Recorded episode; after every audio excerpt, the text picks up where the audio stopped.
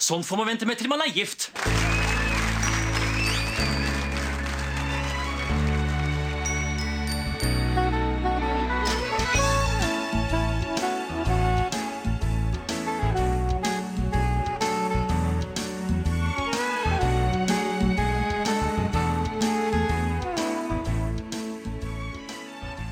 Hei, velkommen til en ny episode av Norsk film filmpodkast. Podkasten hvor vi ser norsk film og TV med et kritisk, men kjærlig blikk. Mitt navn er Emil. Jeg sitter her som alltid med. Stefan heter jeg. Eh, I dag har vi sett en av min ungdomstids eh, store favoritter og minner, egentlig. Eh, Har du det samme forholdet til denne TV-serien som det jeg har? Jeg husker jo at den kom, men jeg var litt liten til liksom å se, se det og hørt på karate og sånne ting, så jeg fikk det med meg liksom i ettertid. På en måte, husker du? Det er jo et kultprosjekt, dette her. Jeg husker i hvert fall veldig godt at det var i avisene, at det var masse skriveri om det. Fikk helt ekstremt mye oppmerksomhet. eh, Ja. I hvert fall ut fra det jeg eh, fikk meg. Og jeg var jo bare 11 år da det kom, så Ja, jeg var det ikke midt i målgruppa heller. Flere spalter liksom i avisene hver dag om det her. Det er eh, en av liksom Hvordan skal vi klassifisere dette her? Det er jo en slags sånn reality-serie, og så kan man også kalle det for et sånn stykke performance-kunst, nesten. Mm. Det er også liksom en av de første sånn, en av de eneste sånn ekstremgreiene som har blitt vist på norsk TV. Kanskje litt inspirert av Jackass og den ånden som var da. Kristoffer Schou er vel kanskje Norges eh, egen eh, Johnny Knoxville, eller Bam Margera, eh, man vel kunne kalle han. Eh, snakker selvfølgelig om TV-serien Forfall av og med Kristoffer Schou fra 2001. Er det tannlegen hvert år, eller? Ja, det.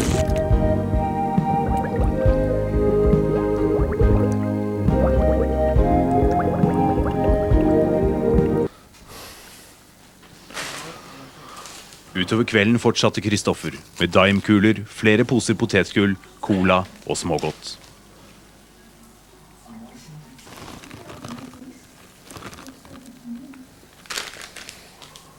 Ok, da er jeg ferdig med Diamond. Da kan jeg skru opp igjen. Nå er det så jævlig varmt her at det er helt vilt. Det er på tide å finne ut hva man skal se på TV. Her er en fantastisk reportasje. Helt fantastisk reportasje. TV 2s Jan Øyvind Helgesen er bekymret for familiens kjæledyr. Katten min har aids. Ja, eh, og Skau han er jo liksom en av disse liksom komikerne som gjorde liksom spesielt stort på 90-tallet, som er en del av denne ironigenerasjonen, hvor liksom Bård Tufte og Harald Eia liksom var, var liksom ledende. Det var på en måte flere komikere i den perioden. Han, han gjorde liksom Han var jo med på Excel da jeg begynte som et radioprogram sammen med Espen Thoresen, Johan Golden, Atle Antonsen. Så han er, er vel litt sånn forbindelsesleddet mellom de to gjengene, føler jeg. At du hadde liksom Bård og Harald og den NRK-gjengen på den ene siden. Og så hadde du Johan Golden, Espen Thoresen og Atle Antonsen på den andre siden. I den andre NRK-gjengen. Ja, mm. Men det var enn P3. P3 Ja, men de, de var vel først sånn XL-TV og sånn, så var det noe Ja. annet. Og så var det vel sånn eh, TV-kanal også som dreiv på i Oslo. Nei, for, men her kan jeg, her, eh, jeg jo, eh, har jo flere poeng med mediehistorie, så her kan jeg forklare litt. fordi at det som var greia var at Da P3 starta i 1993, så, så begynte først liksom, Ganske tidlig så begynte Excel eh, som radio med Espen Thoresen bak eh, som programleder. Eh, og så gjorde dette her det så bra at det ble et TV-konsept, at det ble filma. Og det var det på en måte mot slutten av 90-tallet. Ja, for da føl- føler det som at Kristoffer Schou er egentlig en litt sånn kultfigur som kanskje hadde et lite sånn der eh, viff oppi, oppi mainstreamen akkurat sånn der første halvdelen av 2000-tallet, Ja. egentlig. Fordi på 90-tallet så drev han jo mye med disse liksom sære, stuntaktige eh, radioprogrammene sine. Og seinere så har han jo markert seg bl.a. som vokalist i The Dogs, som har en liten sånn kult following, men som ikke er det helt store. Han driver på med en del podcaster, er på en måte bredt regna som en sånn kul fyr, men kanskje ikke en så stor kjendis på en måte som det Harald Eia og Bård Tufte Johansen spesielt har vært. Mens med forfall, og da spesielt særlig med Team Antonsen, så ble han jo på en måte allemannseie. Og det var kanskje forfall først og fremst som katapulterte han opp i den stjerneposisjonen i norsk offentlighet. Ja, og han, han gjorde jo mye av det samme da han var på radio også. fordi han måtte spiste eh, travmarinerte knekkebrød og liksom og gjorde liksom sånn litt sånn grisete ting. Sånn som måte var litt sånn ekkelt. Eh, og han fortsatte jo egentlig med det, mye av det samme. Han tok det jo bare helt ut i, i forfall. Og men Skau er jo sånn um, altså, Han er jo en av de som på måte, Han er jo liksom den liksom gamle typen kjendis. Som på måte, han er ikke noe Uh, Han er ikke noe sånn der at måte, han, han er på en måte med på han, Du ser ikke han liksom Han dukker ikke opp i masse reality-program, eller du ser ikke han på Farmen kjendis, liksom. Han, måte, han driver med sine greier, som er litt sånn smalt og sånn. Og jobber med frilansgreier. Men han er, ikke, han er ikke en av de kjendisene som har prostituert seg selv for å på en måte få oppmerksomhet og liksom bli allemannseie og godt likt. Han gjør det han vil, han. Nei, dette er jo jævlig flaut å si, men Kristoffer Schou har liksom vært kanskje den norske kjendisen som jeg mest kunne tenkt meg å være selv. Hvis, du skjønner hva jeg mener. Er For han er, for han er som du sier, han er litt sånn kredibel, han har tydelig integritet, stiller ikke opp på hva som helst. Han er jævlig kul uten å prøve å være så veldig kul, får man inntrykk av. Han er liksom rocka. Samtidig så er han ganske intellektuell og liksom nysgjerrig og har peiling på litteratur og liksom det som beveger seg der ute. Og han virker som en person som har liksom veldig mye integritet, da, som blir kjent liksom pga. sine personlige kvaliteter istedenfor å drive og på en måte i mangel av et bedre ord liksom hore seg ut i offentligheten. Så jeg har alltid tenkt på han som en veldig kul og kredibel type. Og kanskje, i hvert fall hvis man ser på Team Antonsen, liksom med Kristoffer Schau, Bård Tufte Johansen og Atle Antonsen, så er det ingen tvil om hvem jeg setter høyest av de fire. Det er Kristoffer er helt enig. eh, Og, og det, er jo, det er jo det at han, han står fortsatt på, på, på 90-tallet så var det på en måte hvis du var, hvis du var, liksom, var kjendis og liksom drev sånn som, sånn som den gjengen her, de humorfolka, de, de var ikke med på sånn trash-TV. Men der har du, det er jo der det har skjedd et skifte med at, at nå er det liksom greit å prostituere seg. Mens Kristoffer Schou har jo på en måte han, han har jo bare fortsatt liksom som, som han gjorde på 90-tallet. Han, han er ikke han, han driver med sine ting, og så er det greit. Ja, så har han ikke blitt så jævlig del av liksom den der eh, NRK-mainstreamen også, Nei. sånn som Bør Tufte Johansen har blitt, med å bli programleder i Nytt på Nytt, som er kanskje den sånn trausteste rollen man kan ta som en norsk komiker i 50-åra, tenker jeg. Han har heller ikke gått i en sånn der eh, pseudovitenskapelig hjernevask- og brilleretning som Harald Eia har gjort, og liksom skal drive og mene ting og masse som han egentlig ikke har peiling på. Han har holdt det litt ekte og liksom bare fortsatt å sysle med sine sære ting, og det fungerer veldig godt for ham. Så all kudos til eh, Skau for det. Ja, han er vel heller ikke liksom går ut på barer og er rasistisk og sånne ting. Nei, han er vel avholds nå, tror jeg. Ja, Eh, vi, kan han drikker brus, han. vi kan jo kanskje si litt kort da, om, om dette prosjektet. Altså, Forfall eh, det var jo et prosjekt hvor Kristoffer Skau skulle eh, bo i et utstillingsvindu i Karl Johans gate, som er rett ved domkirka der. Rett overfor domkirka. Karl Johan, det er Og- hvor, eh, dere som ikke er kjent i Oslo, det er hvor Scotsman ligger. Ja, Norges hovedgate, på en måte, som går fra Oslo S og så opp til eh, Slottet. Og poenget med programmet var at uh, Skau skulle forsøke å forfalle så mye fysisk og mentalt i uh, dette utstillingsvinduet som mulig over en periode på én uke. Og da var det daglige TV-sendinger på NRK, og det ble også spilt inn eh, radioepisoder i denne Hva kaller du podkasten hans? Nei, radioprogrammet hans? var det igjen? heter vel Karate, sammen med Kyrre Holm Johansen og broren. Eh, og broren Finnskau, ja. Og så Nei, jeg, nei, Finnskau. Det er jo faren, det. Hva er det broren heter, da? An Alexander. Alexander Skau, Jeg tror det ja. er Alexander. Og så I tillegg så ble dette her streama liksom på nettet 24-7, så det var også ganske sånn tidlig ute på sosiale medier, på en måte, liksom protososiale medier. Og de som fulgte med, kunne også påvirke hvordan programmet skulle utvikle seg ved å sende inn mail, var det vel, eller stemme på nett, eller sende inn SMS-er eller et eller annet sånt. Ja, det var sånn at du kunne, du kan, kan, kunne stemme. Så de har gjort litt sånn interaktivt. Det er et sånt dilemma, eller noe du kan stemme over hver gang. også. Ja, så det var et program som var ganske sånn forut for sin tid, bare som en sånn mediebegivenhet. At den var liksom i alle kanaler samtidig. Og så publikum kunne også gå forbi dette vinduet og stå utenfor og se liksom Kristoffer Schou være der inne. Og I første episode så møter vi da Skau mens han forbereder seg til dette prosjektet. Sjelden eller aldri så har folk brukt så mye tid og penger på det å komme i form og holde seg i form og være i form som det de gjør nå. Og da syns vi det er interessant å sette av en uke til eh, det helt motsatte. Vi vier altså en uke til eh, det totale forfall. Og NRK med hele sitt tunge DDR-aktige maskineri er da med på dette. Og, og hjelper til og sørger for at alle kluter som er tilgjengelige i Norge, er med på å trekke meg ned i søla. Og den kritikken av fitnesskultur og liksom treningskultur og kostholdskultur generelt, den har vel ikke blitt noe mindre aktuell, tenker jeg, siden 2001. Nei, det virker jo nesten litt sånn Når vi ser tilbake på 2001, så virker det, virker det litt sånn fislete, det han snakker om, sammenlignet med sånn som det er blitt nå. Med liksom eh, hvor du liksom har silikon i huet og ræva og liksom og, Og så tar alle, alle er på treningsstudio. Ja, alle er på treningsstudio. Det, det, jo, det, jo liksom, det tok jo helt av liksom for en sånn ti år siden. Nei, for, for jeg husker Da jeg vokste opp på Hamar, liksom da jeg var tenåring, som var jo rundt den perioden her, så var du liksom rar type hvis du var på det var sånn. Det var sånn boler, sånn der ekkel, at det var et utskudd, på en måte. Men Sånn. nå er det jo et utskudd hvis du ikke driver og pumper jern og løper eh, på sats på Ja. tredemølla. Men det er jo sånn som alle ungdommene som ser liksom Uno, at man ikke skjønner det der med Jarles gym. Hvorfor det bare er sånne bola typer. Hvorfor er det ikke en fyr som liksom er i, som, med, som skal bli eh, liksom elektroingeniør som henger der? Og er det bare, liksom, er det bare boligfolka? Jo, Altså- det var annerledes før. Han er liksom forut for sin tid der òg. Han sier liksom at nå skal jeg isolere meg i et eh, laboratorium i Karl Johans gate i en uke. Og forfalle så mye som mulig langs eh, tre hovedpunkter. Det første er eh, næringsinntak. Skal kun innta fast food, sukkerprodukter. Uh, eneste drikken som er tillatt, er H-melk og Coca-Cola. Så det er Ja. ikke tillatt å drikke vann. Og det andre er da at han skal liksom forfalle mentalt, og det kan han da gjøre gjennom dårlig TV og videoer, som det er valgt ut av noen på forhånd. Og denne noen, det er jo Kyrre Holm Johansen, hans Ok, ja. partner i karate, som, som han laget denne podkasten 'Krisemøte' med. Mm. Så det, det kommer jo mye dårlig film, TV og musikk. Og så er det en tredje måte som han også skal forfalle på, og det er vel hygiene. Ja, Jeg skal ha et uh, totalt fravær av hygiene. Han har kun lov til å tørke seg i rumpa etter han har vært på do. Det har legen gitt ham beskjed på at han må gjøre, men ingenting annet. Så ikke pusse tenner, ikke vaske seg, ikke dusje. Uh, liksom leve i sin egen skitt og lort. Uh, Skau eh, framstår som ganske sånn keitete, syns jeg, sånn innledningsvis, sammenlignet med sånn man har kjent, blitt kjent med han tidligere. Er ikke du enig? At, for dette var vel liksom første gangen han var liksom primetime, NRK, kun han med en rolle. Han snakker veldig raskt, han har en sånn ironisk tone, han ser mye ned. Han er litt sånn derre negativt stemt, litt sånn nihilistisk type.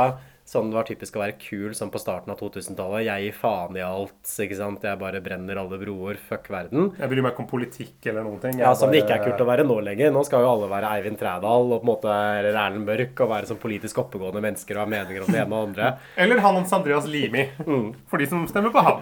Ja, men du skjønner hva jeg mener? At det er en sånn Oslo-kulhet. Sånn er en 90-tallskulhet som på en måte Kristoffer Schou er den siste representanten for.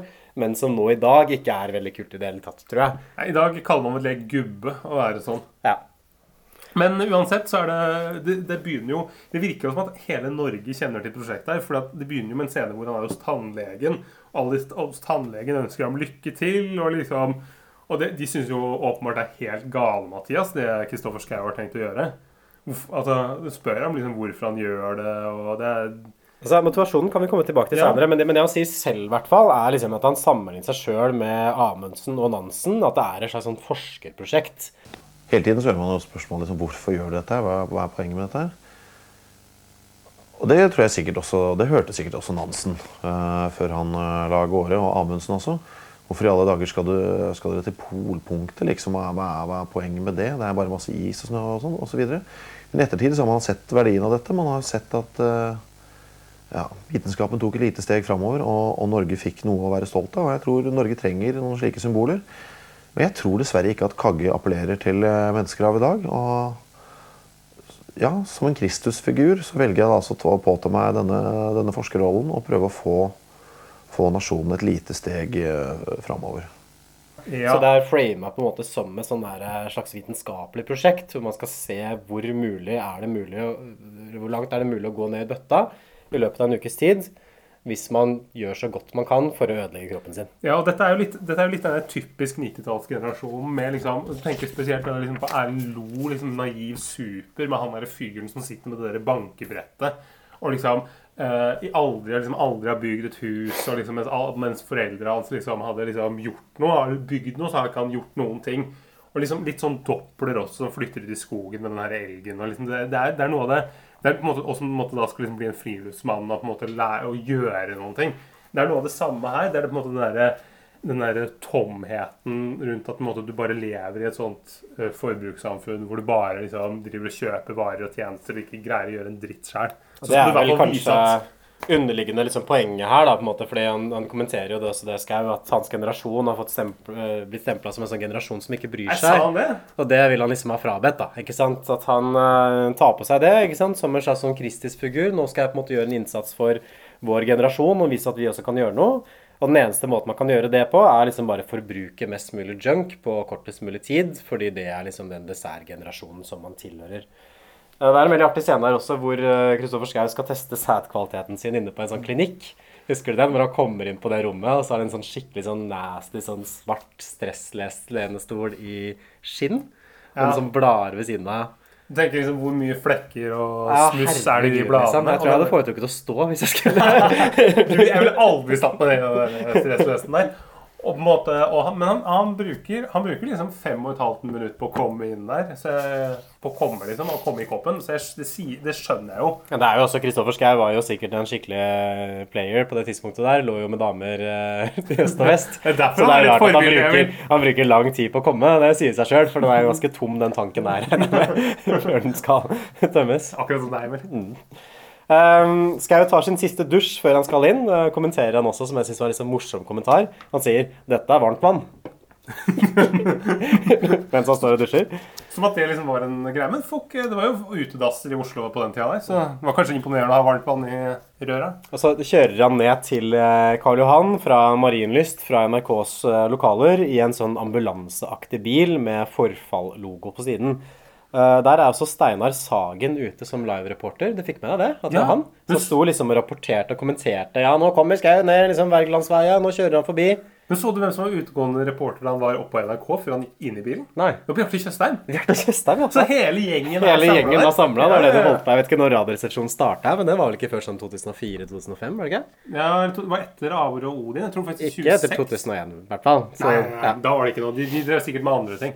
Og selve det rommet da, som man skal være inne i, jeg kan kanskje beskrive det litt. Eh, hvordan ser det ut liksom inni det stedet som man skal være, Stefan? Hvis du ser for deg eh, liksom verdens minste sånn skittig kontor, som på en måte er eh, hvitmalt med sånn strie på veggen og liksom lysstoffrør i taket, eh, så kan du se for deg det. Kanskje, sånn, kanskje 20 kvadrat. liksom plass til en, Det står liksom en sykeseng i et hjørne.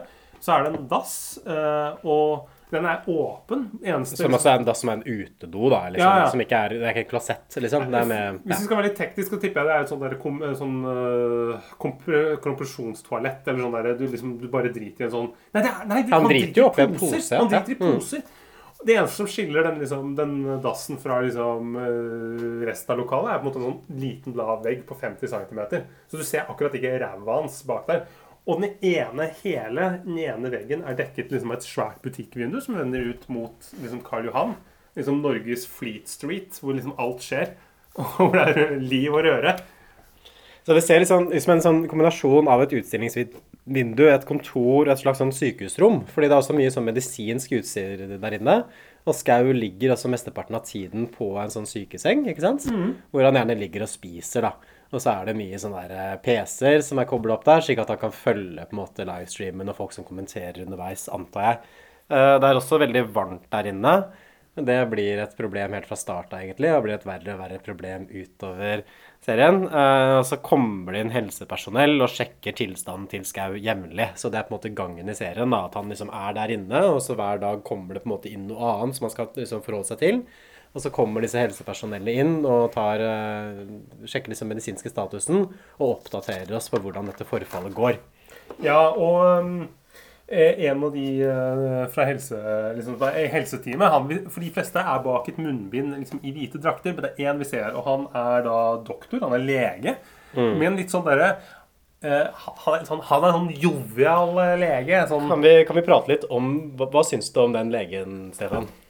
Jeg syns han, er- han, er- han er for påtatt. Jeg syns han ødelegger serien for meg. Jeg er enig. For han, han, samtidig, han, er litt sånn, han er litt ironisk, så han på en måte later som at dette er et sånt stort eksperiment. Og liksom, dette er jo forskning, Kristoffer, sier han hele tiden. Og skal være litt sånn derre Ja, det går, det, ikke, det går bra med deg nå, Kristoffer. Og dette er ålreit, og dette går så bra. Liksom, han er veldig sånn han, han, han, liksom, han, er ikke, han er ikke seriøs nok. Her skulle hatt et Nei, og så skal han være så tøff i trynet Ja. også, så han sier sånn der Det er ikke rart at du har dårlig vondt i magen nå. Han spiste spist så jævlig mye smågodt. Så det var vel én kilo det ble, var det ikke det? Faen jævlig mye, det. At det, at han, det jeg tror det er sånn typisk syndrom folk, som folk får når de møter sånne mennesker som Kristoffer Schau. Fordi Kristoffer Schau er jo jævlig kul og tøff. Og så er det veldig fort at når man da omgås Kristoffer Schau, så skal man drive og tøffe seg litt. Ja. Eh, seg sjøl òg, ikke sant? For å prøve å være like tøff som Kristoffer Schou. Men aldri mens. Kristoffer Schou er jo naturlig kul. Men det blir veldig påtatt og tydelig når man kommer inn og liksom begynner å bande litt og liksom bretter opp Faen ermene. helvete, ja, Ja, altså, det var varmt her. Kristoffer! Jeg ble så jævlig kvalm òg, vet du. Jeg syns jo det er noe rart. ja. Nå har du spist én pakke med pølser, en kilo med rekesalat, og så har du drukket en liter med klemfløte. Faen, det er rart at du puster. Jeg er veldig, veldig kvalm. Dette her har aldri vært gjort før. Bare sånn så du veit det. Dette her er eh, Jeg angrer øh, veldig. Jeg angrer veldig, ja. Ja, så putter du fingeren i halsen, og så står dassen der, og så får du kvitte deg med noe av det der.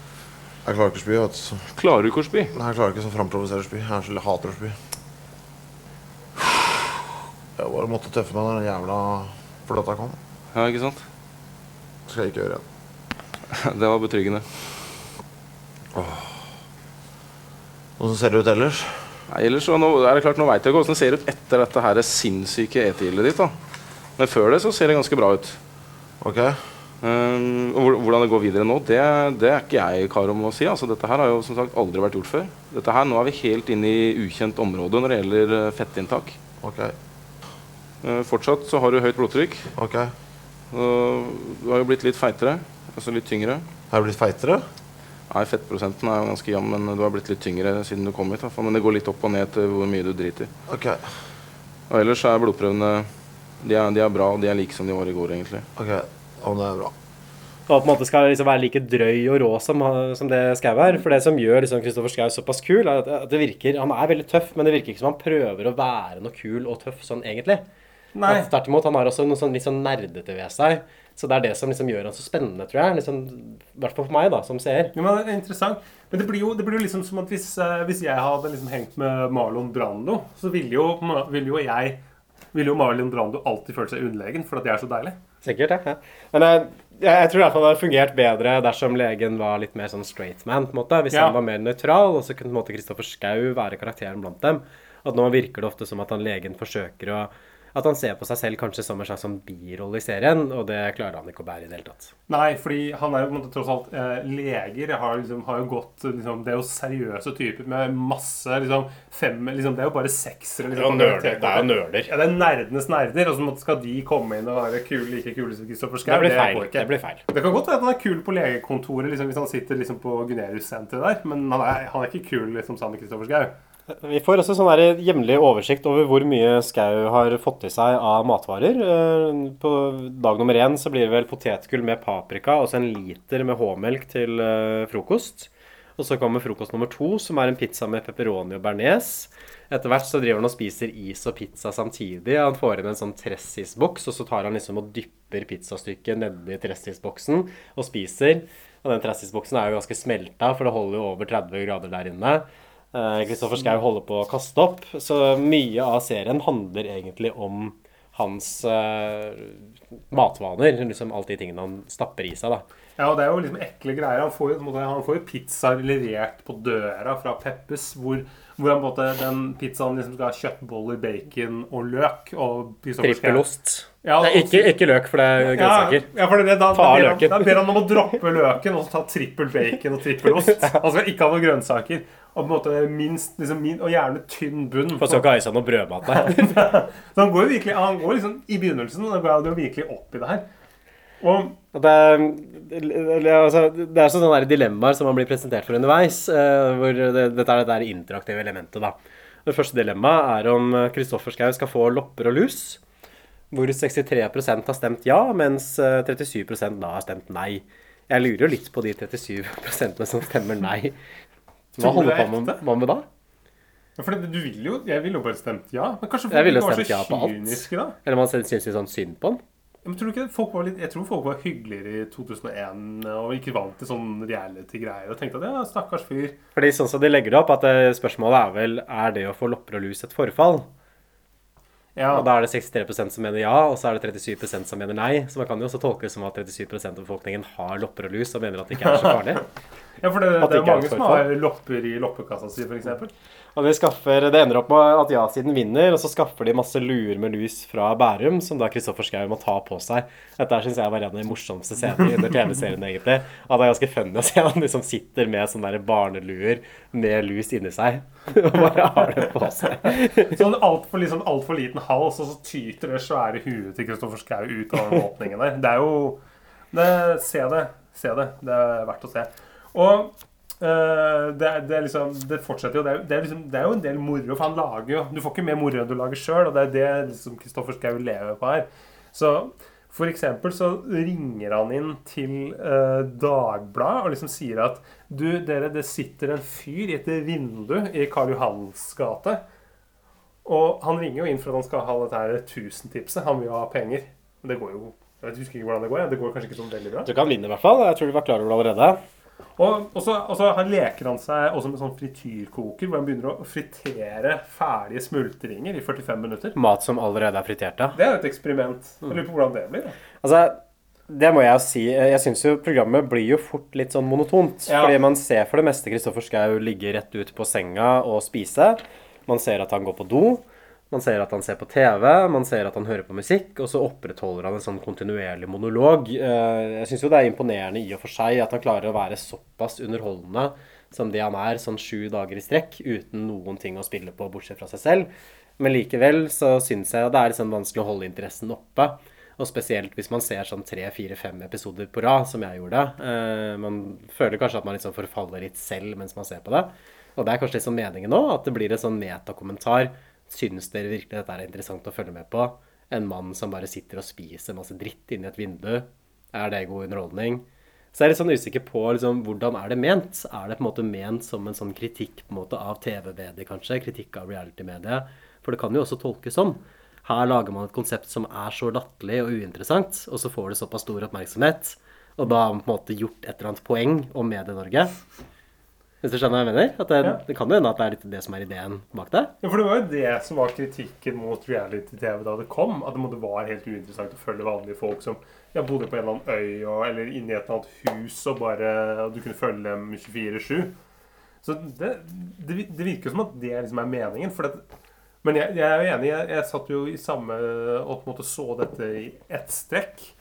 Og jeg vil jo, men dette er jo samtidig Det er jo laget for lineær-TV. Så hvis du ser en 20 minutters episode hver dag, så er det kanskje morsommere liksom, å på en måte se på de ablegøyene til Kristoffer Schou. Kanskje, men det var jo også tilbudet å se liksom disse tingene 24 timer i døgnet på stream, Ja. og det at det fikk så mye oppmerksomhet. Altså, serien heter jo Forfall, og forfall det kan jo gjelde både Kristoffer Schou, og det kan også gjelde samfunnet. Som er det samfunnet som forfaller fordi vi syns at dette er interessant og god TV, at man kan bli kjent på den måten? Vi sitter og ser på en fyr som blir kjent fordi han ser på søppel-TV og hører på Ja. søppelmusikk. Mm, ja. Og så sitter vi selv og ser på søppel-TV. Og lever på en måte en sånn ekstremversjon. At Kristoffer Kristoffer Schou blir på en måte en sånn karikert utgave av livet til en gjennomsnittlig nordmann. ikke sant? Vi sitter hjemme på ræva på sofaen og spiser potetgull og drikker cola og bestiller fra Peppes og har liksom ingen bekymringer i hele verden. Nå ser vi også på en person som sitter og gjør det samme som oss. Sitter og ser på TV på TV. At det er et sånt metaelement her. Jeg syns det er veldig bra måte at serien blir aldri eksplisitt på at det er det poenget den forsøker å gjøre. At de sier aldri at liksom, dette her er en kommentar på en måte for forbrukersamfunnet. Men det Men det kan også tolkes på den måten. Og jeg syns det blir sterkere hvis man ser det litt på det viset, da. Eh, Det er en, også en morsom scene her hvor Kristoffer Schou bestiller smågodt. Eh, Han bestiller særlig mye av rød fisk, som han omtaler som the James Bond of smågodt. Hvis du skulle valgt ditt James Bond of smågodt, Stefan, hva er din favoritt i Ah. hylla?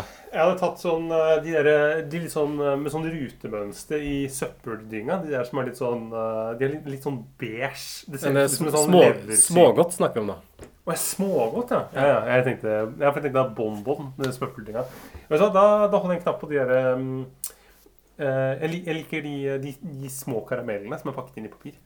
Som, som det står noe med dobbelt på. De får du bare i Sverige, det. It, it, de får du i Sverige. norsk, norsk smågodt. Ja, ja, Candy King, Brynhild, ja, ja. Nidar. Ja, det er jo litt mer primitive greier enn det du får liksom, på Charlottenberg eller på Nordbysenteret. Men um, jeg, Vet du hva, Jeg liker de der rosa greiene. liksom, Ikke de putene, men de som er litt sånn uh, De er litt sånn ellipseforma. Det ser ut som en sånn um, Det ser ut som de de sånn, de ser ut som en sånn liten vulkan. Eller liten, liten, de ser ut som en gravhaug. Som om at det er rosa. En liten sånn haug. Har du sett de? De som er rosa, så er det sånn lite hvitt bånd. Som er sånn sopp, mener du? Ja, men, ja. Rosa, rosa sopp? Ja, nesten som en Nei, ikke rosa sopp, men det er litt, litt de samme greiene. Men er det surt, eller er det søtt? Uh, søtt. Det er sånn sukker på. Mhm. Hva med deg? Ja, jeg, jeg skjønner hvilken du mener nå. Ja, det er myke, ikke sant? Sånn Ja, ja, de er myke. Det på en måte, du, hvis du presser ned, så Det er liksom, det er liksom en konsistens til hud. Jeg har satt sammen en topp eh, fem-liste og forberedt meg litt. Så Det irriterer Hvorfor har du forberedt deg, så har du ikke gitt meg men det kunne du også gjort. Du kunne også tenkt på den samme muligheten som det. Du kunne kanskje sendt en melding eller noe. Ja, ja, vær klar, men du kan jo tenke litt da, mens jeg kommer med litt, liste. jeg må tenke litt imens.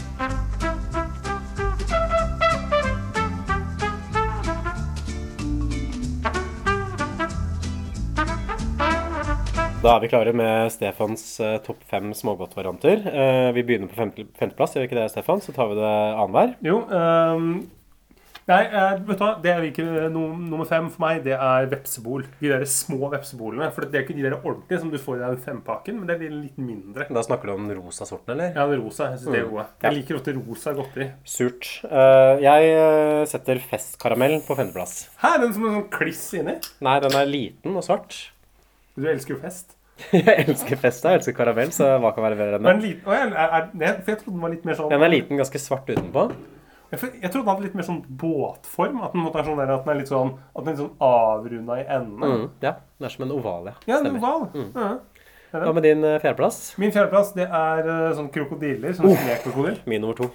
Åh, men de er gode, altså. De er gode, ja. Men de må være ferske. Jeg fikk dem her om dagen. Da var de liksom helt ferske rett fra boksen. Og da, da Det er, det er faktisk et sånt triks jeg ofte bruker hvis jeg skal gå og kjøpe smågodt. For det kan jo ofte være ganske varierende kvalitet på smågodtet. Hvor er det ferskt, hvor er det stivt si, eh, hør, og hardt. hør, ungdommer. Hør, hvor, hvor er det man får eh, Hvordan får man det beste smågodtet, Emil? Jeg går Lakmustesten er gjerne de derre lakrisgrammofonplatene. Hvis de er myke, Ah, ja. da er resten av smågodt også dykt. Da kan du handle med trygghet. Så jeg pleier å gå bort til de lakrisgrammofonplatene, de svarte som er sånn sirkler, vet du. Ja, Og så kjenne, er på ser ut som penger. Ja. er liksom Så kjenne på dem. mynter. Eventuelt også det der dødningshodeskalle med lakris og, og sånn bringebærsmak. De som er er svarte og røde. De også pleier veldig ofte å være harde. Men hvis de to er eh, myke og gode, da er resten av sortimentet vanligvis også veldig bra. Men, her Det, det her eh, ikke Det er måte, det er på en måte kanarifuglen i mina. Men tror du ikke de bytter ut liksom, når det er tomt for sånne lakrisgrammofonplater? At, de bare- at de bytter den? At de ikke bytter alt? som Det er nettopp min teori, for jeg tenker at det blir treigest tomt for de lakrisgrammofonplatene. At det er blant de mest Ja. upopulære bitene. Så liksom Så hvis den er myk, oh, da ja. den ligget der en stund. ikke sant? Så da må jo det andre godteriet være enda ferskere. Så det er liksom stor rotasjon. Da byttes du ut liksom histen og pisten hele tiden. Ja, for Du kan ikke gå og teste på krokodillene, for det byttes jo ut hele tiden. som sagt, For det er liksom et av de mest populære smågodtitemsene som fins. Ja, det tror jeg ikke måtte er flaggskipet innafor. Mm. Du må jo gå til en av de mer sånn obskure bitene, og så sjekker du liksom hvordan det står til med mykhetsgraden av de. Ja, men jeg synes det er god Hvis den er god. Men hva er din fjerdeplass, Emil? Min fjerdeplass det er rosa bananer. Eh, Det er kanskje det sureste av liksom de sure godteriene, sånn som jeg ser det. Mm. Jeg kjenner nesten at det brenner i kjeften. Det er som å spise salpetersyre. Så, det, så jeg er veldig glad i surt godteri, og det er kanskje det mest sånn hardcore sure godteriet som uh, fins. Det er ikke min favoritt av det sure, men eh, der oppe. Ja, fordi Da kommer du til å elske min tredjeplass, for det er jo sånne sure padder som du får i liksom assorterte farger. Ja, De er jo dritsure, og kanskje enda surere Ja, enn å, eh, men igjen. det er hardcore. Det er liksom for liksom de store gutta i, i smågata. Har du prøvd å ta den sure padda som en snus en gang, eller? Nei. Ta den over overleppa? Hæ? Det ble testa. Brenner godt. Gjorde du det før du ble 18? Og, ja, ja. Eh, Min tredjeplass det er også en suring. Det er Bestis Bublis. Altså de colaflaskene som liksom er eh, rosa og eh, sånn neonblå. ja, enig. De har, jeg, de har jeg faktisk på en sjetteplass, hvis jeg skulle hatt en sjetteplass. Ok, Din andre? Min andre er eh, De er sånne påskefigurer i litt sånn Stratos-sjokolade. Ja, den er god. ja. Det synes jeg er, det er, eh, det er en vinner, altså. Jeg kunne satt sånn bringebær med sånn gelékliss liksom på en delt uh, andre der. Den syns jeg er litt overvurdert. Syns du det? Ja, jeg syns ikke det er nok liksom gelé, at det er et eller annet med proporsjonene i den der bringebærgeleen, sjokoladen, som er litt sånn off. At jeg tenker alt skal være bedre enn det det egentlig er. Ja, men jeg er enig, for jeg kjøper det, og så tenker jeg at det burde vært en løvtynn hinne. Ikke Ja. denne her liksom litt sånn tjukke liksom, Ja. Den litt sånn lubne hinnen med sjokolade over. Det er en utilfredsstillende bit. Ja, jeg er enig. Den, eh, hadde det vært en, liksom, hadde Hellstrøm blitt koblet inn på Nidar-fabrikken, så hadde han nok løst den og lagd en uh, tynnere hinne. Er vi på nummer to? Um, har du, jeg- du, har sagt din, ikke sant? Jeg har sagt på nummer to, så det er din på nummer Ja. Det var krokodiller, som vi var inne på i stad. Uh. Og så er det førsteplassen. Den har du allerede tatt. Det er de der rosa putene, ikke sant? Med hvitt under og rosa på toppen. Ja, men det er, det er mulig at jeg slenger ned At jeg faktisk slenger ned den der eh, At jeg slenger ned de der mm, påskefigurene der, altså. Nei, men vet du hva, jeg står på putene. Jeg står på putene. Min nummer én er spesial. Og er det den Er det sånn Det er den biten som smaker sånn eh, royal trippel. Den er sånn Nugatti i seg. Så det er en sånn nei, liten nei, sånn firkanta bit, og så er det en sånn liten sånn relieff på toppen. Sjokolade. Det- Den er god. men er det karamell, eller er det Nugatti? Nei, Nougat. Nougat. Ja, ja, nå vet jeg, for den, den er helt uh, Den er rektangulær. Den er på en måte bare helt vanlig. Den er rektangulær bit. Og så er det ja, som du sier, litt sånn våpenskjold på toppen. ja, sånn Ja. Så hvis du hadde hatt et våpenskjold i din familie, f.eks. Det skulle vært spesialene. Hvis jeg skal gå i krig for Norge i så skal jeg gå med spesialen på brystet. Det er det ingen tvil om. eller på skulderklaffen Det er min eh, James Bond of smågodt, eh, sånn som eh, rød fisk er for Kristoffer Schou. Det er godt med rød fisk òg, altså. Så, Ja, helt enig. Vi kunne jo sånn- tatt en sånn pizzakåring også, kanskje. Hvilke Det får vi ta en annen, Det tar annen gang. Det er et sånn interessant element der også, fordi det er også sånn greie at hjernen til Kristoffer Schau skal forfalle, og derfor så har han bedt om Vigdis Hjort sine komplette verker. At det var liksom sånn der konsensus i Oslos hipstermiljø på starten av 2000-tallet at liksom Vigdis Hjort var noe av det verste og mest ukredible man kunne lese. Nå ville aldri noen sagt det. Men jeg er jo, jeg er jo en av dem som faktisk er på uh, Skaus parti her. Du er. Vigdis Hjort-hater. Jeg har lest eh, faktisk, jeg har lest flere Vigdis Hjorth-bøker, og, syns jo, syns jo ikke det er liksom stor litteratur, så jeg har aldri skjønt det. Men det kan være at det ikke appellerer til meg. Men likevel, jeg, jeg, tenkte jo hvis man skal velge ut dårlige bøker Nå skal liksom hjernen bli helt bedriten. Man velger jo ikke Vigdis Hjort liksom, på førsteplass. Man tar kanskje noe sånn vet ikke Jo Nesbø, Margit Margit Sandemo. Sandemo Noe sånn kiosklitteratur. Ja. Ja, men det, det er dårlig, men det er jo morsommere med Vigdis Hjorth, for at liksom, hun er liksom i et, et visst sjikt blitt anerkjent. Men så sy- jeg også, men jeg synes jo også det er liksom et problem at man som er på en måte fascinerende her, er at, man, at det går an å, å på en måte være så kritisk til Vigdis Hjorth. For det ville man jo aldri gjort nå. For da ville man sagt nei, men hun er en god fatter, mange som leser henne og sånn. Det var kanskje bare en sånn tid hvor man tenkte at det var litt sånn teit å lese, i hvert fall teit å lese norsk samtidslitteratur, på en måte. Og kanskje en litt sånn At jeg tror Hvis en mannlig programleder nå hadde gått ut og sagt at Vigdis Hjort det er liksom det mest fordummende og råtne og forfalne litteraturen du kan lese, så hadde jo vedkommende hadde blitt drevet av skjermen med en gang. Det er Ja. kvinnefiendtlig, ville folk tenkt. Ja, fordi at liksom Det er jo uh, Men det er, jo- det nettopp det. Dette er jo en uh, Vigdis Hjorth er jo en type litteratur som på en måte Som appellerer uh, Som ikke appellerer Det, ikke, det appellerer jo ikke til Det er jo på en måte ikke Hun har ikke skrevet de bøkene for å treffe Kristoffer Schou 32 år, eller hva han er, er her. Det er jo på en måte Det er jo, det, det er jo beregna på en helt annen målgruppe. Men, du kan, men for han så er det jo krise. Og jeg synes jo, har jo heller ikke noe sans for Vigdis Hjorth. I samme episode så bånder også Kristoffer Schou en liter med kremfløte og kaster opp for første gang i serien. Han, kaster, han står liksom med en sånn derre litermål med kremfløten og bare heller i seg foran det utstillingsvinduet. Og kaster opp i eh, dette litermålet og drikker sitt eget oppkast etterpå. Det her syns jeg var sånn oppriktig kvalmende å se på. Og det er kanskje liksom noe av det som gjorde at eh, serien fikk rykte på seg for å være såpass ekstrem som det den var. Den her type scener, ikke sant? hvor han virkelig må tvinge maten i seg. Og det blir jo mer og mer av utover også, egentlig. Etter at han spiser jo ekstremt, ekstremt mye. Uh, også denne episoden hvor publikum har stemt fram at Kristoffer Schou skal begynne å røyke. Eh, da har han lagt planen klar, at han starter med nikotinplaster og nikotintyggegummi. Så går han videre til eh, mentolsigaretter. Deretter skal han fortsette gjennom Prins-katalogen, altså fra Prins Mild til Rødprins, eller Blodprins. Og så avslutter da med Teddis, som er sigaretter uten filter, og snus. Så nå som magen har hatt så mye å stri med, og jeg har fått så mye dårlig input mentalt, så er det på tide at vi gir lungene litt god gammeldags juling.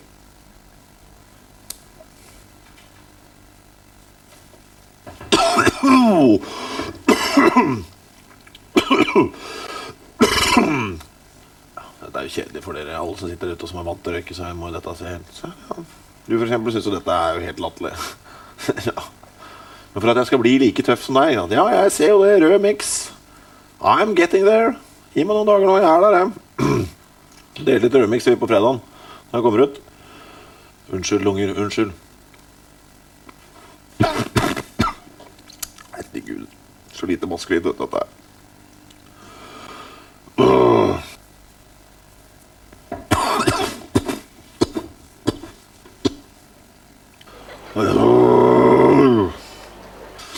Det er litt ålreit å flytte smerten vekk fra, fra, fra magen til lungene.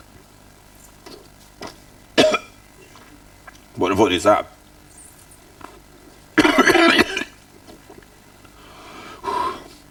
Kom igjen. Igjen, Skau. Det er bare min Thor-sigarett, for faen. Ah.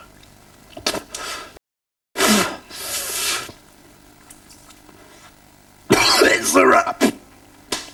It's a wrap.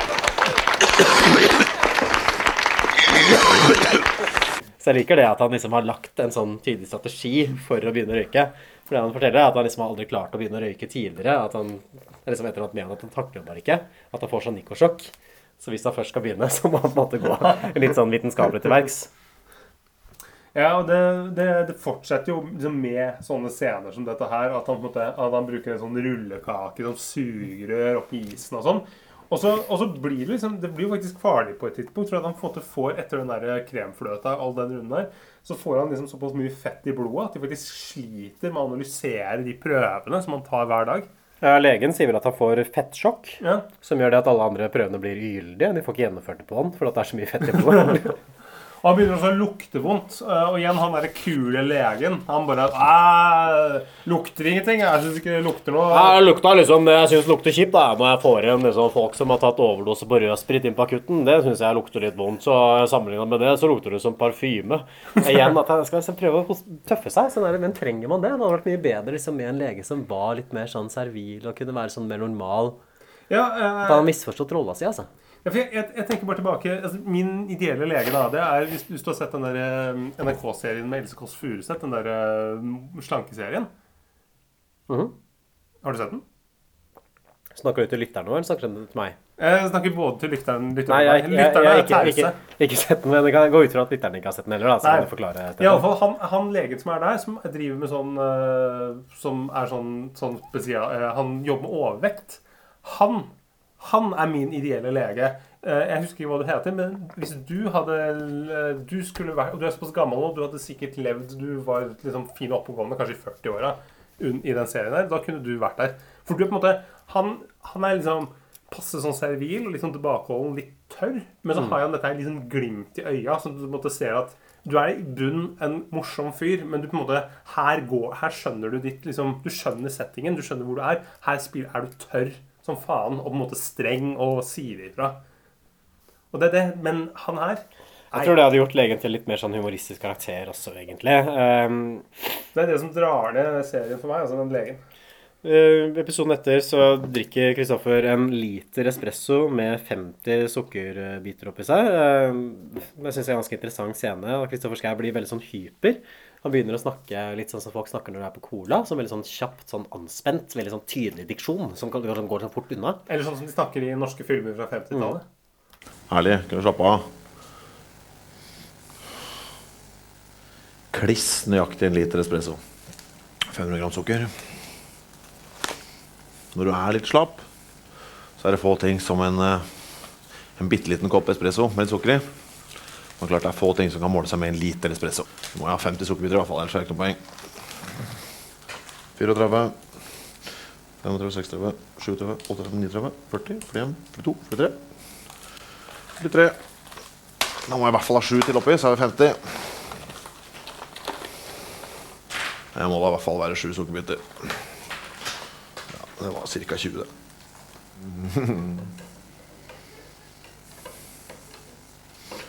I hvert fall for en som meg som ikke drikker kaffe til vanlig, så er jeg litt spent på hvordan dette skal slå ut. Seems to me you live your life like a candle in the wind. Han er litt flink òg, sånn.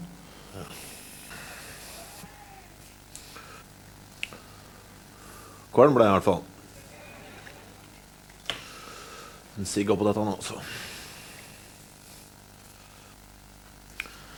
Mange måter å være kvalm på. Dette er ny en.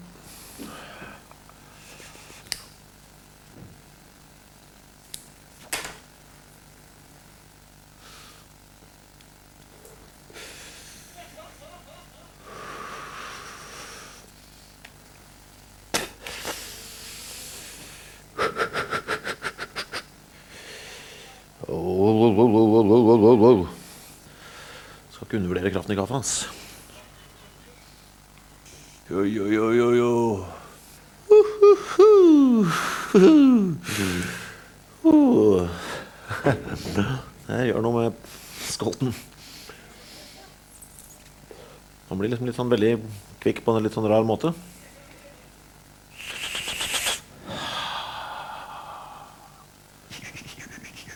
Han beskriver seg sjøl som the James Bond of coffee.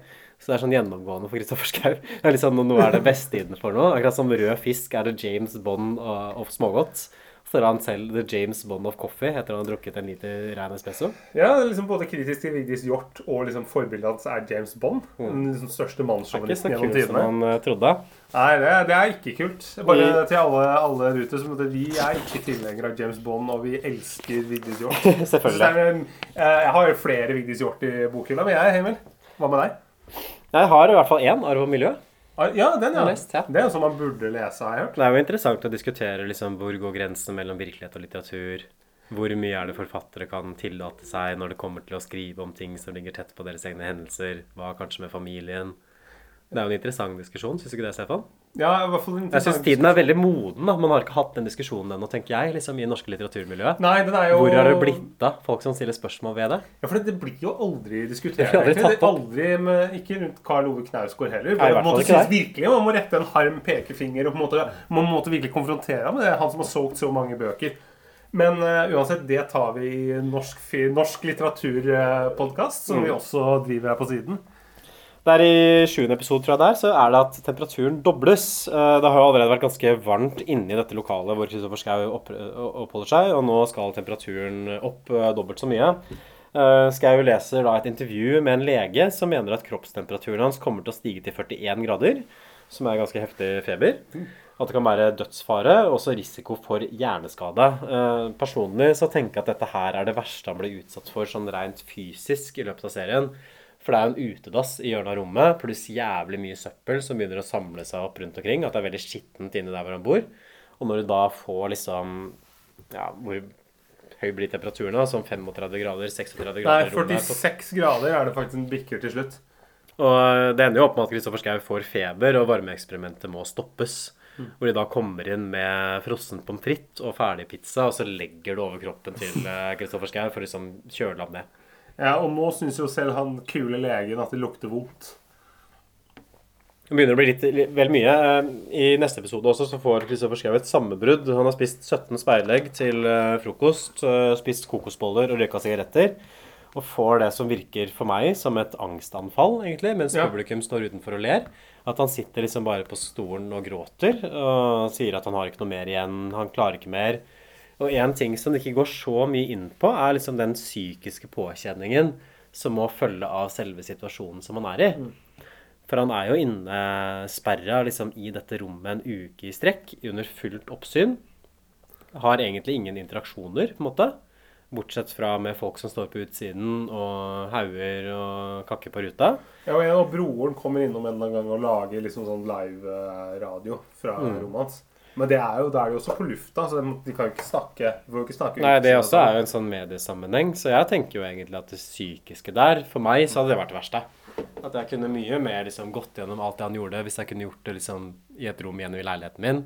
Men det å liksom sitte i det utstillingsvinduet der, så alle kan komme og se på, det må være en hard påkjenning. Og jeg syns på en måte at det er liksom imponerende også når han først kommer ut, da, ikke? Ikke for å foregripe for mye. Han kommer jo ut av studiet. At han liksom- gjør han det? at han, at han klarer liksom å være såpass, å holde, være såpass rakrygga som det han er. At han ikke totalkollapser. Fordi det må jo være en form for sånn psykologisk tortur Ja. måte, som man blir utsatt for. Ja, for det, det slår jo meg som tortur. Altså, måte, problemet også er at man måte har så lite Et problem også når han er der, er at det er veldig lite stimuli. Altså, det han får se på, er liksom Han, får se, han ser veldig mye TV-shop. Uh, for dere unge så var det på en måte et program som gikk på liksom på sånn, Det var en egen kanal hvor man på en måte da gikk Det eneste det handla om, var at man solgte forskjellige varer. Mye sånn treningsapparater eller veldig skarpe kniver. Og det var, jo bare, det var jo bare søppel, det man solgte der. Det visste jo alle. Og så gjør han det, og så ser han på sånn Monster Truck-TV, og så hører han på musikk. Og det er nesten- det er vel bare utelukkende sånn tysk slagermusikk. Tysk populærmusikk som ofte hakker også. Så det er hakk i plata. Ja, for det spilles jo på CD. Det var jo før Spotify. Og eh, den tyske musikken han hører, er jo en fyr som jeg faktisk vet hvem er. Det er jo Heino. Det er ikke overraskende at eh, du kan navnet på den musikken. Jeg tenker at du liksom identifiserte sånn da du så på serien. Gjorde du det? Nei, nei, nei, faktisk ikke. Da han, da han sa Heino en eller annen gang, så gikk det opp et lys for meg. Heino, ja. For jeg har jo jeg har en liste hvor jeg har liksom noen eh, julesanger med Heino. Hvor han f.eks. covrer sånn eh, Mary's Boy Child, Jesus Christ, Was Born on Christmas Day. Men på tysk, da. Og han har, han har en ganske rik katalog. Jeg har faktisk greid å finne en av de sangene som han, uh, som han spiller her. Den skal vi vel uh, fise av gårde med på slutten her, når vi er Jeg tror kanskje det. Uh, I hvert fall siste, siste natta så har de stemt publikummet over at de skal ta bort senga til Kristoffer Schou, og Kristoffer Schou må da sove siste natta på gulvet. Det er Eh, tortur, da. Han har en sånn scene hvor han filmer sjøl og viser frem liksom ulike alternativer til hvor han kan sove. Det er gjerne mye sånn søppel, skvip, møkk, fluer, dritt og piss liksom overalt. Kristoffer Schau koker også suppe på sokkene sine i melk som han drikker, og så må han ta på seg de sokkene etterpå, som liksom har blitt trukket i melk. Eh, Jeg syns at de siste episodene blir ganske sånn ubehagelig for meg å se på. Nesten litt sånn der angstframkallende. At jeg syns det var veldig, veldig ekkelt å sitte og følge med på. At da har liksom all humoren bare forsvunnet ut. At nå ser man liksom bare på et menneske som har det vondt. Og jeg syns også det preger kanskje siste episoden, for det virker jo bare som at Kristoffer Schou bare sitter og venter på at det skal bli ferdig, egentlig. og Bli tatt ut. Ja, um, han griner vel også liksom, i den nest siste episoden, faktisk, igjen. Altså måtte oss synes det er liksom, ubehagelig. Um, og ehm, og det, det som etter hvert også skjer altså Jeg, jeg merker at jeg på en måte akkurat som Kristoffer Schou, så begynner jeg jo bare å kjede meg litt. Når vi begynner å nærme oss slutten For Kristoffer Schou kjeder seg. Han lager liksom Han har en halvannen liter med cola som han liksom lager sånne runkebevegelser på. Han sitter med en Sphinx eh, konfektboks og kaster konfekt i vinduet. Ja, han, prøver å treffe den CD-spilleren som heier nå, som spiller sånn hakk i plata. Han gjør også med den der Sphinx-konfekten. Så på en måte, han, han kjeder seg virkelig. Og så er det det at de har jo med vilje tatt på han hvite klær, hvit singlet, hvit skjorte og sånn. Og den, det, det blir jo jævla skittent. Det blir jo liksom ekstra, ekstra grisete ut. Så klart, Han blir også skamklipt av en blind mann i siste episode. Ja. Så det er på en måte siste liksom, av de tingene som publikum kan stemme over. eh, er at han blinde mannen kommer inn da, og som klipper Kristoffer Schau, som ser helt jævlig ut på håret. Ja, og når han ikke har noen seng eh, mot slutten her, så bruker han sånn big one eh, liksom sånn teppe, og legger seg på gulvet. På et Egon pizzaeske, faktisk. Ja, men så- Egon har takeaway-pizza. Ja, selvfølgelig. Jeg tenker det, som, det er jo tidenes forfall, forfall å spise Egon-pizza. Det er vel den verste pizzaen i Norge. Ja, du er vel enig i det? er du ikke det? Er jeg tror det er noe av den verste pizza man kan kjøpe for penger i det norske land.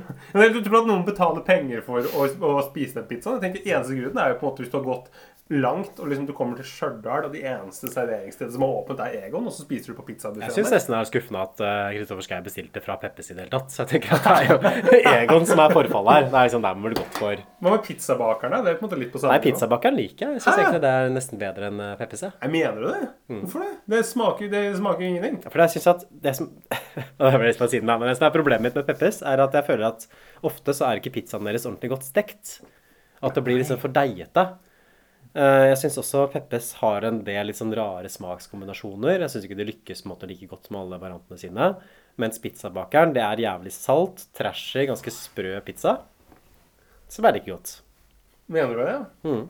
Ja, nei, jeg, jeg liker noen av de smakskombinasjonene som thai-pizzaen til Peppes også. Synes jeg faktisk kan være, er ganske god. altså. Det Det største- sånn pepper, eh, peppernøtter Nei, peanøtter på. Den største tragedien som har skjedd i det norske pizzamarkedet, er jo selvfølgelig at Dolly Dimples gikk konkurs. Det var det beste. Hæ?! Dolly Dimples! Ja, Det var jo- gæren? Kospizza til Dolly nei. Dimples var den beste Nei, pizza du kunne kjøpe penger. stopp en halv. Det var, det var jo lavmåla pizza. Det, var, det, var jo, det smakte jo ingenting. og Ja, det er på grunn av sånne, sånne- det sånne så pløsete bunn. Du er grunnen til at vi ikke kunne ha Dolly Dimples i Norge, Stefan. At du ikke kunne sette pris på den gaven som vi fikk i dette pizzakjøkkenet. Du mener på Dominos Det er på grunn av deg. Det er Dolly. Dolly Dimples. Det er Dolly, ja. Eh, Dominos kom isteden. Det er på grunn av deg at Dolly Dimples gikk konkurs. Så nå håper jeg at du er fornøyd. Ja, ja. eh, Uansett. Uh, avslutning av serien, så um, Det er litt sånn der antiklimaktisk avslutning, syns jeg. For det skjer jo bare at Kristoffer Schou slipper ut og går liksom ut i Oslo-lufta. Så setter han seg inn i den forfallbilen, og så kjører de av gårde. Og det jeg syns er spesielt kjipt, er at det ble ikke noe sånn eh, avsluttende legesjekk. For det har vært sånn der poeng gjennom programmet. Man skal sjekke liksom hvordan det går med fettprosenten, hvordan går det med blodtrykket, hvordan går det med organene. Men det hadde ikke til sist. Så jeg måtte jo liksom ha sammenligna, på en måte, tenker jeg, hvordan var liksom helsetilstanden hans på dag én, og hvordan er det på dag sju. Ja, eh, for det, det er jo det du vil vite. Hvor mye har han forfalt? Og så så syns jeg det er veldig dårlig til å formidle det underveis. Det er veldig varierende hvordan de gjør det. Noen ganger gjør de med sånn, litt sånn, sånn tekst som eh, hvis det, liksom, Når man så debattprogram før, så måtte bare løper liksom sånn rulletekst veldig fort over skjermen. liksom, Så ser du alle blodverdiene og sånn. Det er liksom veldig intetsigende. Det er ikke noen tabeller og sammenligninger med hvordan det har vært. Jeg tror det handler om at det var litt lite liksom, egentlig forfall. For det er vel også det legen ofte sier, at det har ikke gått opp så mye blodtrykk. Det har ikke lagt på deg så mye Ja, men det er mest sånn vanninnhold, tror jeg, for at han spiser så mye salt. Så jeg tror egentlig ikke at det hadde så store medisinske konsekvenser som det de kanskje hadde håpa på. Og det er kanskje derfor de dri, eh, driter i å Ja. opplyse om det òg. Men da burde du kanskje også klippa det ut fra start. Men det kunne du ikke vite hvordan det kom til å gå. Så det bærer jo kanskje litt preg av å liksom bli til litt sånn mens veien blir lagt, på en måte. Ja, for du ser jo det at eh, opptakene hver, gang, hver gang går fra ni til ni. Og så sendes dette her på TV sånn rundt klokka 11. Så det betyr at de som da sitter på dette her, de har jo da to timer på å klippe sammen liksom det materialet fra den livesendinga til et eh, innhold som skal sendes på NRK en 20 minutter på kvelden. Så det er jo ikke, de har jo ikke hatt veldig god tid på å klippe sammen. Det er jo et sånt hastverksprosjekt. Nei, En ting som jeg syns er interessant også, er at i hvert fall på YouTube-versjonen som jeg så, at det er ganske ulik lengde på episodene. Lengste Ja. episoden er vel på sånn 30 minutter, og så korteste er på 10 minutter. Jeg vet ikke hva sånn de gjorde det. det er sånn da at det bare, ja, Ja, men, Så mye innhold vi får ut av det, det er så langt som episoden blir. men det er litt sånn varierende. Det er veldig mye av det i midten som er 20 minutter. Så man, kan, man har kanskje, man, kanskje man bare etter hvert også innså, liksom, eller, eller i starten tenkte at dette her er kortere At dette er liksom ikke underholdning nok for ti minutter. Og så tenkte jeg oi, det er jo kjempegøy. Vi tar 20 minutter.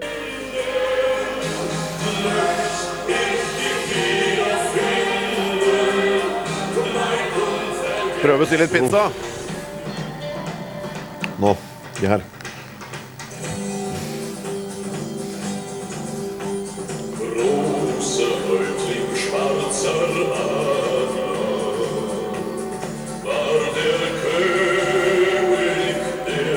Ja, hei du. Jeg skulle gjerne ha bestilt eh, en, eh, en pizza. Det er eh, privat. Skau. S-C-H-A-U. Kristoffer. Det er en midlertidig adresse. I Karl Johans gate. Rett over Jeg vet ikke hvilket nummer det er. Jeg lurer på om det kanskje er tolv. Det er rett ved siden av den Carlings-butikken tvers overfor eh, domkirka. Jeg sitter i Ja, jeg sitter i vinduet der og må ha noe frokost. Ja. Har du en, um, en litt kraftig en? En litt sånn fetende variant? Biff, pepperoni, kjøttboller og løk. Hvis du dropper løken, da. Ja, Må ikke ha noe grønt på nå. Vi må skru til litt. Har dere bearnés òg? Jeg tror vi bare tar eh, Kan vi ta trippel bacon og, og, og trippel ost, og ikke noe annet? Går det? Trippel bacon, trippel ost og ikke noe annet. Og syltynn bunn. Jeg må få i meg mindre brødmat enn jeg gjør nå. Og fem rømmedressinger. Og så kan du ta med Jo, du kan ta med ni liter cola. Men sånn avslutningsvis, en ting som er interessant å diskutere, er jo på en måte hvor godt er den sjokkfaktoren står seg nå i dag. Fordi da den serien her kom, så ble den jo liksom oppfatta som noe av det mest dramatiske, drøyeste, mest sjokkerende som har gått på norsk TV noensinne. Er det fortsatt like drøyt, eller har det blitt datert? Det er jo veldig datert. Det er jo ikke noe Altså, noen, noen år etter dette her, så kom jo den derre den, den, den minner jo veldig om den Super Size Me, den der filmen som kom et, liksom et par år etter, 20, 2004 eller noe sånt. Den amerikanske filmen med han der fyren som spiller på Burger King.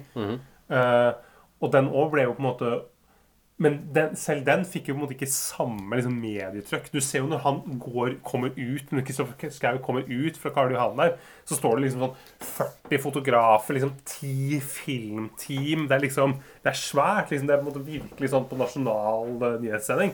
Hadde du gjort det i dag, så hadde det jo ikke blitt Altså hadde du ikke vært i nærheten av den liksom mediedekninga der. Det er jo ikke noe Han blir jo nesten mottatt som en eh, folkehelt. Og Ja, jeg føler jo, føler jo litt det at sånn der, hvis jeg ordentlig skulle tatt det der forfallkonseptet på alvor, så hvor blir det av rus? Ja. Hvor blir det av sex?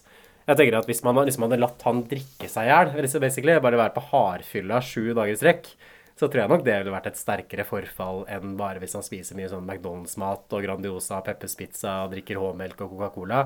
At det er noe sånn der barnslig ved den der forfallsideen som presenteres der, som er veldig mye fokusert på mat og litt røyking, da, som kanskje er litt mer sånn voksent. Det er det forfallet liksom en tiåring driver med, men det er på en måte ikke det en voksen mann ville gjort. på en måte Hvis du, du, må, hvis du skal ja, få inn forfall der, så må han jo på en måte ja, Det må jo være liksom Han må ha han må drikke alkohol, han må drikke, han må drikke ruse sprit. seg, ikke Ja, sant? ruse. Eh, ta heroin, eh, røyke crack, eh, kjøpe horer, eh, teste ut sånne ekstreme seksuelle fantasier, fetisjer. Gå virkelig ned i mørket. Men det gjør han ikke, og det er jo litt, der, liksom, litt sånn der pertentlig prektige NRK, som måte i 2001 sikkert ikke var liksom, forberedt på å gjøre noe sånt. Det er jo alltid litt sånn derre Jeg tror ikke de kunne latt en fyr sitte og drikke sju dager i strekk på NRK nå i dag heller, at det på en måte går utenfor statskanalens domene. Nei, nei, nei, men jeg føler de var litt mer liksom, De var liksom før tidligere De var litt mer åpne for å gjøre litt andre ting. Liksom, de, var, de var mer ehm, De var mer eh, hardtslående eh, på slutten av 90-tallet og tidlig 2000 enn det de er nå. Det tror jeg nok du har rett i. Uh, Men det, det, det blir jo et eller annet jeg, jeg tenker liksom at Det verste her er på en måte psykologiske. ikke sant? At han er sperra inne i det rommet i sju dager. Og at han får jo sånn flere sammenbrudd. Men det som er interessant også, er at det psykologiske aspektet går nesten ikke serien inn på i det hele tatt. At de framstiller jo bare som at problemet er at han må drikke så og så mye H-melk og kremfløte og Coca-Cola. Mens det verste må jo liksom være det at han sitter under alles påsyn, han er skitten. Han eh, har ikke noe særlig sosial interaksjon med folk. Eh, han ligger liksom tett opp til et, eh, et, et utstillingsvindu hvor folk kan komme liksom og knakke på ruta og plage han hele netta igjennom. Ja, altså, det, Det må jo være liksom det mest nedbrytende, tenker jeg. Den oppmerksomheten. Ja, for det, du er alltid på utstilling, og du er alltid du streames på live TV. Alle ser deg hele tiden. Og så, så når, ja, når du endelig prøver å sove, så kommer det sånne fulle vikingsupportere og dunker på vinduet ditt klokka fire på natta. Ja, Hvordan ville du gjort det da hvis du skulle designe et sånt ultimat forfallprosjekt for Kristoffer Schau? Alt er lov. Drit i hva NRK sier. Hvordan forfalle mest mulig på en uke. Da tenker jeg Da skal han bare sittet og drukket eh, liksom dårlig liksom dårlig brennevin. Drikke sprit. Vært Ja. på blindfylla. Liksom, tenker en uke jeg den dårligste liksom, den der eh, brandyen til Polet, den der Concorde. At han bare sitter og drukket Concorde og sånn derre eh, Kalinka-vodka liksom i Og hjemmebrent, og kanskje tatt litt eh, amfetamin og røyka litt meth og litt crack i tillegg, og så heroin for å roe seg ned. Ja. Se hvordan helsa ser ut etter en uke med det. Det tror jeg hadde vært liksom- verre enn eh, det kjøret han var gjennom. Og hver kveld så kommer det liksom en prostituert på besøk som på en måte er en gateprostituert. Det er ikke liksom sånn luksus uh, Skikkelig skitten prostitusjon. Sånn, ja. Ja. Og på en måte liksom, med liksom forskjellige, forskjellig kjønn nå. Tror du du var inne på tanken av å gjøre det? Liksom, hvor langt tror du de, de prøvde å liksom pushe dette her? Fordi det er jo en sånn interessant ting også, for i løpet av forfallsprosjektet så spiste jo også Kristoffer Schau sin egen føflekk. Tror jeg at han skjærte av føflekken sin, og så stekte den i fløte og spiste den. Men det Men det kom jo ikke med på NRK-sendingene, for de mente at det ble for drøyt. Nei, men eh, jeg tenker jo at Eller det er jo helt åpenbart at mange av de ideene som de hadde, ble sabla ned i NRK, og de kom jo til uttrykk i liksom, i hvert fall mer da, i de syv dødssyndene som han laget som en seks eh, år etterpå, på TV 2. Hvor han, måtte- hvor han har den der scenen hvor han sitter og steker sin egen forhud liksom, på et lite bål eh, på en strand i Israel. Altså, det, den er jo my mye mer ekstrem. Mm. Så jeg Hvordan tror- syns du da, Eller hva skal vi si, Stefan? Sorry, nå avbrøt jeg. Nei, men eh, jeg, jeg tror bare at eh, mye av de ideene han fikk under det prosjektet, her tok han nok videre, med seg videre til TV 2. Mm. Og måtte lage da en, eh, en oppfølger som er, er veldig god, og som vi kommer til å ta ved en seinere anledning. Ikke vær redd, eh, dere som sitter der ute. Vi kommer til å ta den. Men hvordan blir liksom statusen til forfall da? Nå ser vi det igjen liksom 22 år etter det først gikk på TV. Eh, Er det fortsatt verdt å se på? Er det veldig datert? Eh, Er det liksom et minne fra en svunnen tid, eller har det fortsatt evnen til å sjokkere og provosere litt? Det sjokkerer ikke meg, og jeg merker at jeg syns liksom det var gøy med de, de to-tre første episodene, og så blir det litt sånn at jeg bare jeg bare faller ut. For det, det, er jo bare det samme som skjer igjen. Det er liksom mer pizza, mer bearnés, eh, saus. Å, nå blir det varmere. Nå slipper vi inn katter i rommet. Nå skal man klekke spyfluer. Ja, det er på en måte bare mer av det samme. Det er ikke så veldig mye utvikling. Du bare ser at fyren blir mer og mer skitten. Så det er kanskje går på en måte mer, mer mot at det liksom blir et slags kunstprosjekt, kanskje, snarere enn en, eh, en TV-serie på Norges største kanal. Jeg er enig. Det føles jo veldig meningsløst ut, men det også syns jeg er liksom interessant. Og det er igjen liksom tilbake til det vi snakka om tidligere, som hva er på en måte intensjonen, hva er budskapet dette her. Og hvis man tolker det på en måte som en slags sånn mediesatire, så langt har på en måte den norske underholdningskulturen sunket at til og med på NRK kan man sette opp noe som er av så lav verdi, og få folk til å følge med på det, stå utenfor vinduet, se på livestream, av VG som dekker live at Kristoffer Schou kommer ut av det jævla rommet der. Han går rett på først og sist med Skavlan. Liksom Norges da klart mest populære TV-program, mest profilerte TV-program, blir intervjua der sammen med Liv Ullmann og eh, han eh, Foss, han fra Høyre. Det er en litt sånn interessant kulturell kommentar. Og det er et eller annet med den meningsløsheten i det som gjør at det blir nesten litt sånn genialt igjen. At det på en måte er så dumt og det er så meningsløst at det blir veldig smart og veldig meningsfylt. Fordi man går så langt ut i den ene enden at man tipper over, og så blir det noe litt sånn der eh, vakkert og enestående ved det. Ja, det er absolutt. Det er jo, måte, det er jo ikke et, det er jo, Dette er jo TV-øyeblikk. Det er liksom TV-historie. Skal du liksom lage norsk TV-historie, skal du skrive den eh, Jeg vet ikke hvem som skal gjøre det, men en eller annen mediehistoriker, så burde, er jo dette her noe som burde vies ganske mye oppmerksomhet. Det er absolutt liksom et, en, en del av den, den mediehistorien. Men, um, men samtidig så tenker jeg at det jeg vet ikke om, det er på en måte, om du trenger å se alle episodene for å få noe ut av dette. her, altså fordi du skjønner greia etter et par episoder, så kan du på en måte se om du tenker at det er spennende. Men er ikke det litt kult òg, at man fikk liksom såpass mye plass med noe som, er, eh, som er såpass meningsløst og tomt? Eh, På starten av episoden, Stefan, så satt vi og skrøt Kristoffer Schou veldig opp i skyene. Særlig jeg, men også du var på en måte enig om at han er en Kjære interessant type. Hvordan ble inntrykket ditt av Kristoffer Schau etter å ha sett gjennom eh, forfallsserien? Ble det forandra på noe vis? Ble det bekrefta? Ble det avkrefta? Endra seg ikke en smule for meg. Men hva med deg? Nei, jeg syns det er en interessant ting for han å gjøre. Jeg tror ikke det er et sånn karrierehøydepunkt, men jeg syns det er en veldig interessant måte, at han klarte på en måte å bygge seg sjøl opp som den mediepersonligheten han ble da, en periode gjennom dette prosjektet.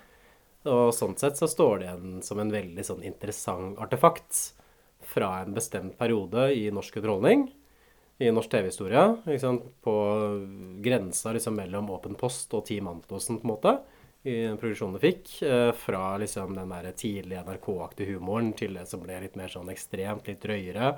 Testa grensene litt. Det er også veldig interessant å se det opp mot Jackass-fenomenet, hvordan det liksom rei TV-mediet på den tiden. Nei, jeg satte pris på å se det. Eh, Jeg må også si det at jeg syns det var nesten for meg sånn psykologisk terror altså på slutten her. At jeg syns det var veldig, veldig ubehagelig å se på.